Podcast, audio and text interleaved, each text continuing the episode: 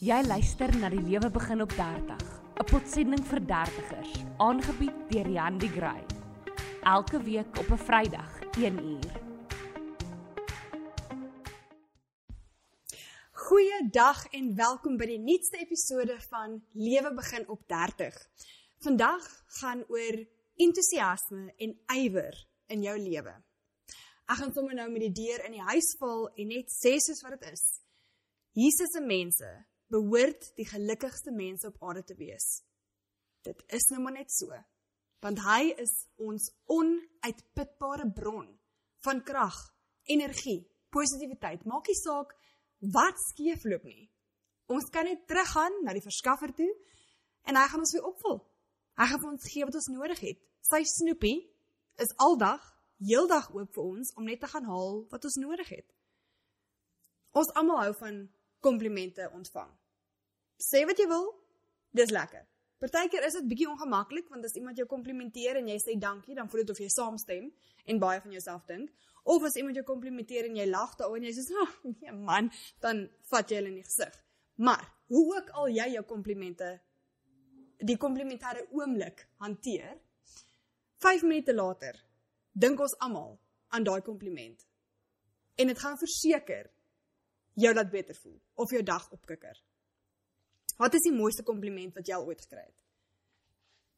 Ek wil eintlik nou baie tyd gee dat jy daaroor kan dink, maar dink bietjie daaroor deur die dag. Wat is die mooiste kompliment wat jy al gekry het? Myne was ek laat vrou wees. So lekker lyk. Like. Oh my word. Hallo. Daai was 'n vrek lekker kompliment en dit het my vir soveel jare bygebly. Nie net bygebly nie, maar gemotiveer om altyd vrou wees te geniet. Maar ek dink een van die beste en grootste komplimente wat 'n mens kan kry is wanneer iemand jou komplimenteer oor jou positiwiteit. Die lekkerste deel van van daai kompliment is dat jy weet daardie persoon het jou positiwiteit raak gesien. Wat beteken jy het hulle reeds positief beïnvloed. Die positiwiteit was sigbaar en kyk, sê wat jy wil. Positiwiteit is aansteeklik. Die Here is hier by ons.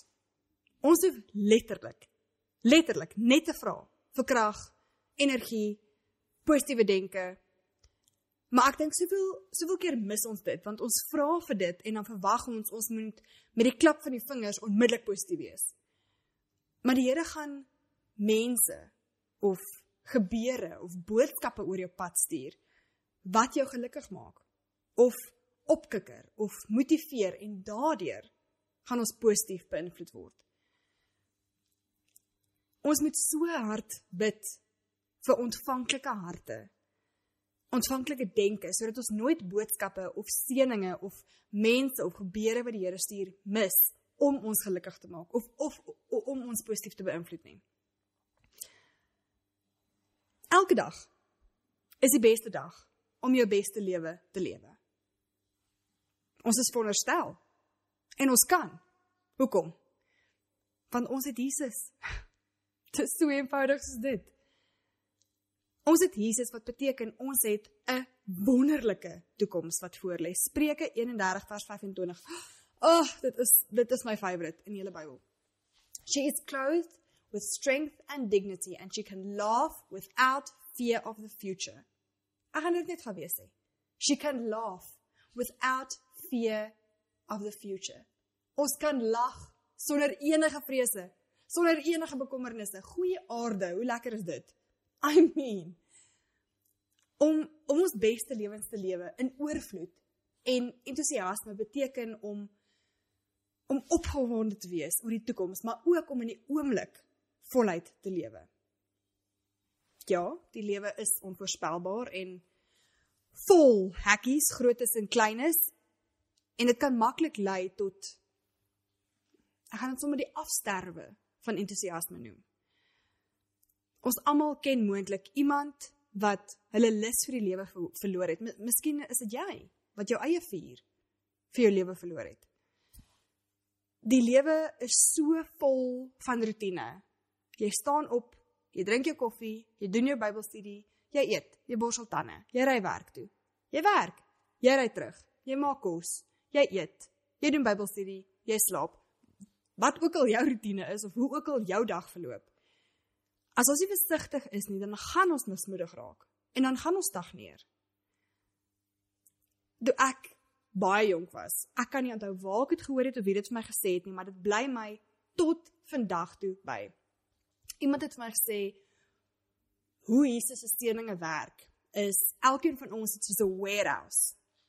En elke liewe oggend sit liewe Jesus ons seëninge vir daai dag in die warehouse, mooi toegedraai met die mooiste geskenkpapier met 'n strikkie, blommetjie, die hele die hele vuurwerk.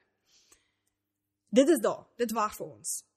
Ons moet letterlik net seker maak ons gaan elke oggend na ons warehouse toe en gaan haal ons geskenkie sodat ons het wat ons nodig het om die dag voluit te kan lewe. Sodat ons ons seëninge kan ontvang. En toe sê hulle as ons dit nie doen nie, dan aan die einde van die lewe gaan ons hierdie massiewe warehouse hê met hierdie ontelbare oneindige geskenke van seëninge wat ons gemis het wat daar was maar ons het nie oopgemaak nie. Dink gou in in in werklikheid. Sê nou maar iemand gee vir jou geskenk maar dit is guys dis die beste geskenk wat jy in jou lewe al gekry het en iemand gee die geskenk vir jou en jy misplaas die geskenk.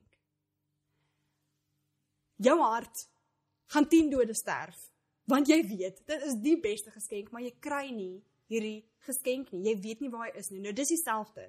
As jy aan die einde van jou lewe kom en jy besef jy het 'n warehouse vol van daai amazing geskenke wat jy kon gebruik het deur jou hele lewe. Maar jy het nooit gebruik nie. Daai moenie lekker wees nie. Daai daai daai gaan nie jou beste dag wees nie. So basies, is dit ons verantwoordelikheid om gelukkig te wees.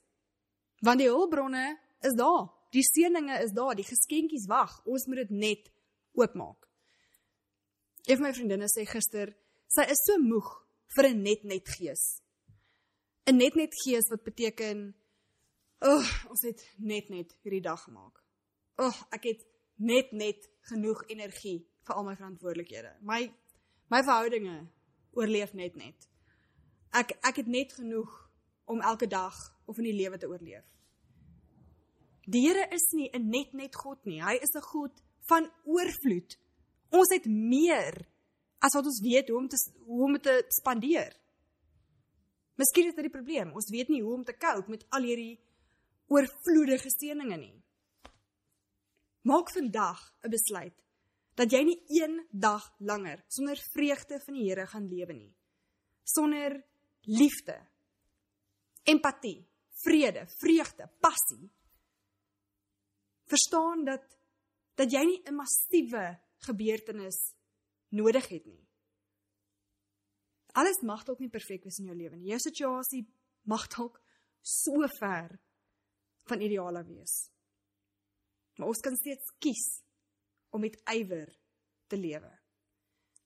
As jou situasie dalk nie perfek is nie as gevolg van iemand in jou lewe, maar jy lewe met ywer, kan ek jou waarborg dit gaan daai persoon beïnvloed en aan die einde van die dag gaan dit jou beïnvloed want hulle gaan beter wees en hulle gaan beter voel. En soos ek gesê het, positiwiteit is aansteeklik. Hoe staan jy op in die oggende? Van môreoggend af doen ons dit anders. Ons staan op met oorvloedige opgewondenheid om die nuwe dag te ontmoet en te groet. Die lewe op sigself kan een groot rotine wees en ek praat nou nie van die take en die verantwoordelikhede soos wat ek vroeër genoem het nie. Ek praat van die blote samestelling van die lewe en van daal. Dit word lig, dit word donker. Dit word lig, dit word donker. Dit word somer, dit word winter. Dit word somer, dit word winter. Maar as ons besef dat elke een van hierdie lig, donker, warm, koud dae iets nuuts kan bring Dis darm besonder opwindend. Ons het geen idee hoe ons dag gaan verloop nie en kyk, vir iemand soos ek wat mal is oor 'n verrassing. Is daai nog 'n wen? Miskien voel jy vandag jy het 'n wen nodig. Miskien is jy 'n ma wat die grootste werk en die grootste verantwoordelikheid in die wêreld is, maar niemand klop jou op die skouer en sê: "Ja, jy doen grait. Wel gedaan." Ek sê nou vandag vir jou, jy is die beste wat daar is en jy doen besonder goed. As jy in jou werkplek voel jy werk so hard en jy sit alles ekstra in, maar niemand klop jou op die skouer en sê wel gedaan. Jy sê ek nou vandag vir jou wel gedaan. Ek weet mense partykeer kort mense meer as dit, maar wat ek nou kan gee is om vir jou te sê you are doing great. As jou omgewing niks meer as ordinêr is nie. Beteken nie jy moet ordinêr wees nie. Dan kan jy die buitengewone aspek wees wat jou omgewing nodig het.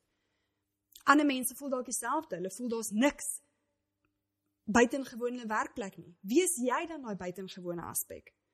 Die Bybel sê ons moet elke dag met ons volle harte lewe en met soveel ywer lewe. Dankie dat jy geluister het na die lewe begin op 30, 'n potsending vir dertigers. Jy kan volgende week weer saam luister na die Handy Gray. Vrydag 1uur.